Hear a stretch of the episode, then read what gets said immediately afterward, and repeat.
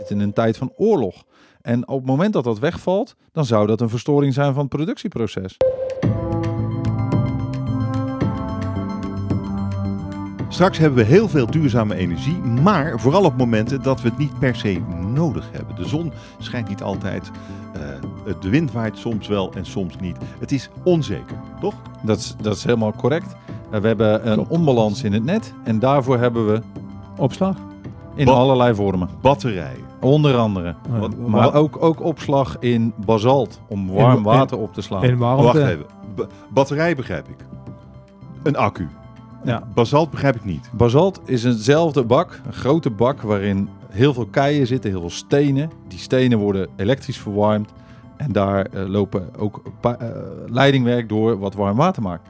Basalt heeft een eigenschap dat uh, de warmte van basalt wordt vastgehouden. Dus de elektrische ingebrachte energie wordt aan de steen overgedragen en die draagt zijn energie weer over aan het warm water. Andersom kan ook, maar hij is wat ingewikkelder. Dus dat, dat, dat zijn toepassingen.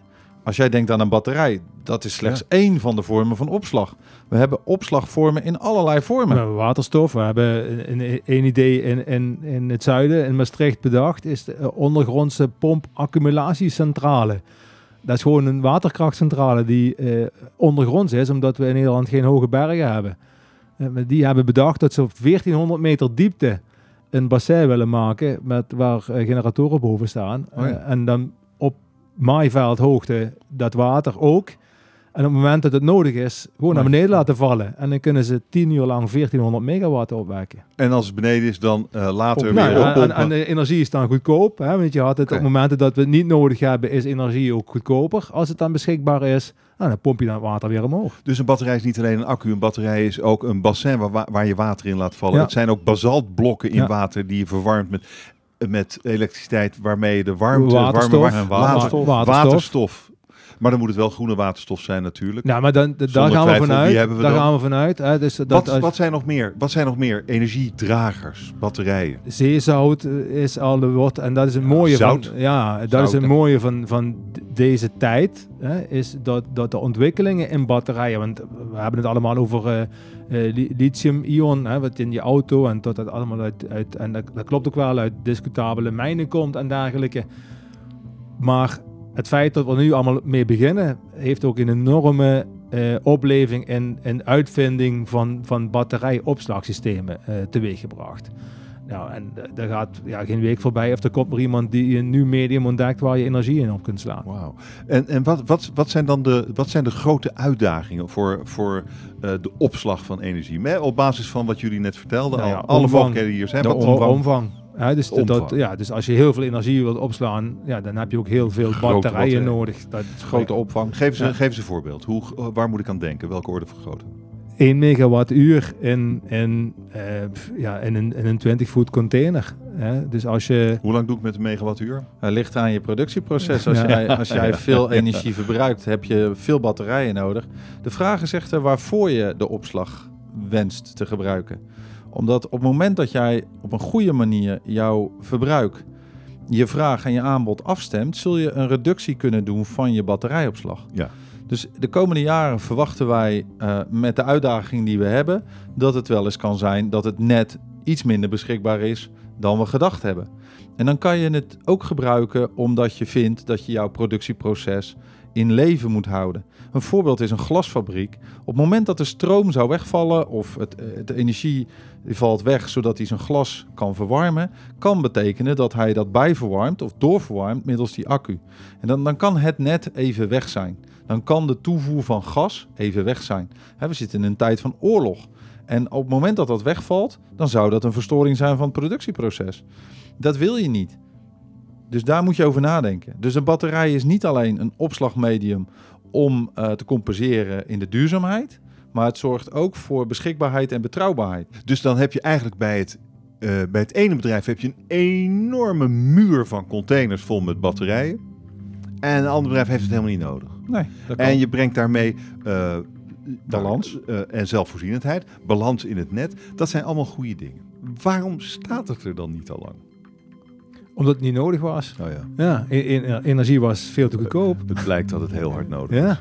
Inmiddels Nu- is het heel hard Nu nodig. is het heel hard nodig, ja. En, en nu, is- en, nu, en dat, is, dat is het jammere, is, is dat eh, eh, ja, de- de- de- we hebben dat niet morgen opgelost. Wat zijn de grootste problemen? Want we moeten dit wel snel oplossen. Ja. Eh, dit moet eigenlijk hand in hand gaan met de verduurzaming van onze hele energievoorziening. Het, is, het lijkt een essentieel bestanddeel. Nou ja, maar daarvan. de- wat- Wat moeten we doen? Er moeten verschillende eh, sy- systemen, hè, dus het hele productieproces, dus de manier van, van hoe we producten maken, moet, moet veranderen. Eh, het gebruik van basisgrondstoffen moet veranderen. Hoe, wat bedoel je daarmee? Nou ja, dat we eh, eh, plastic op een andere manier gaan maken. Dus met, met, eh, met bioplastic bijvoorbeeld. Hè? Dus het is in plaats van... van Vraagt dat minder energie? Ja, dat vraagt minder energie. Het heeft ook te maken met eh, een verandering van het productieproces. Betekent dat je slimmer gaat nadenken over de grondstoffen. Ja. Op het moment dat jij een circulaire en een, een recirculatie doet van eh, andere grondstoffen die uit een verbouwing komen of een, eh, iets wat je gesloopt Nou, hebt. je, je noemde eerder dat bier.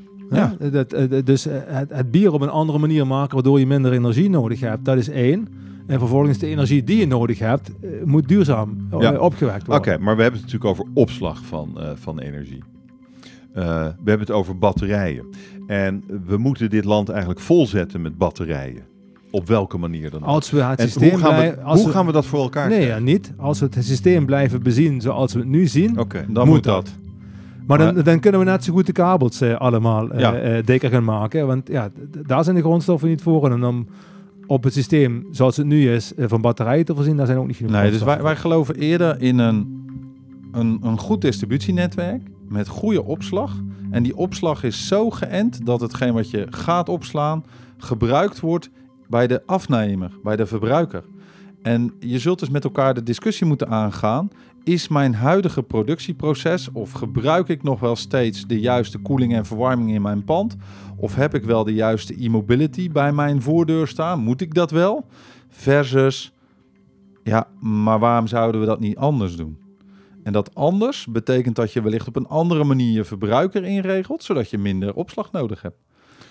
En hoe gaat SPI hierbij helpen? Ja, wat wij doen is ehm, op een proactieve manier het gesprek aangaan met die gebruikers die energie verbruiken.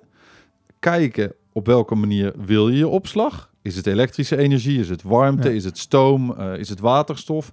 Het distributienetwerk wat er bij jou bij hoort. En de manier van opwekking. En je, allemaal, Eigenlijk zijn wij verbonden in de gehele keten. en dan kan je allemaal maken. Kunnen we allemaal kunnen we maken. Installeren. Ik, ik hou van een accu met basaltblokken. Nou, dat is een mooie, hè? dat is een mooie. Ja, dat is een mooie. Ecuador Boekel. Ja, is lekker warm. Ja, daar, daar is, die- wordt die toegepast, alleen niet met basalt, maar met uh, hoogoverslag. Eh, maar daar is dat niet... manier. Ja. Dan kan je dus een hele woonwijk mee verwarmen als je je bassin maar groot genoeg maakt.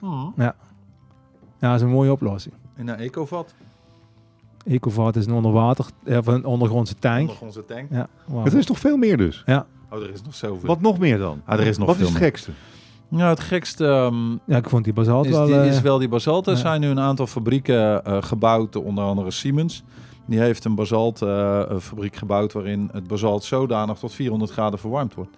En dat betekent dus dat je basalt op een enorme hoge temperatuur brengt. Hè? Waardoor dat je die afgifte van die warmte weer kan terugbrengen naar het water.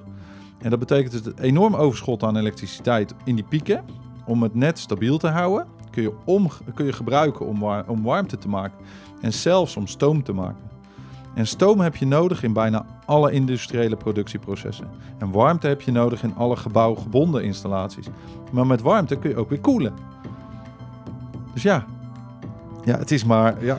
Kijk, het, Ja. het, het, lijkt heel, het lijkt heel eenvoudig als we het zo schetsen. Maar het heeft te maken met het ecosysteem. Het samenwerken tussen de vrager, de afnemer, de adviseur, de eindklant en wij als SPI. Ik zeg, het lijkt eenvoudig en dat is het ook. Vinden Eigenlijk. wij ook. ja. Vond je dit interessant? Fijn, want we hebben nog meer korte podcast over de energietransitie om je kennis te verdiepen.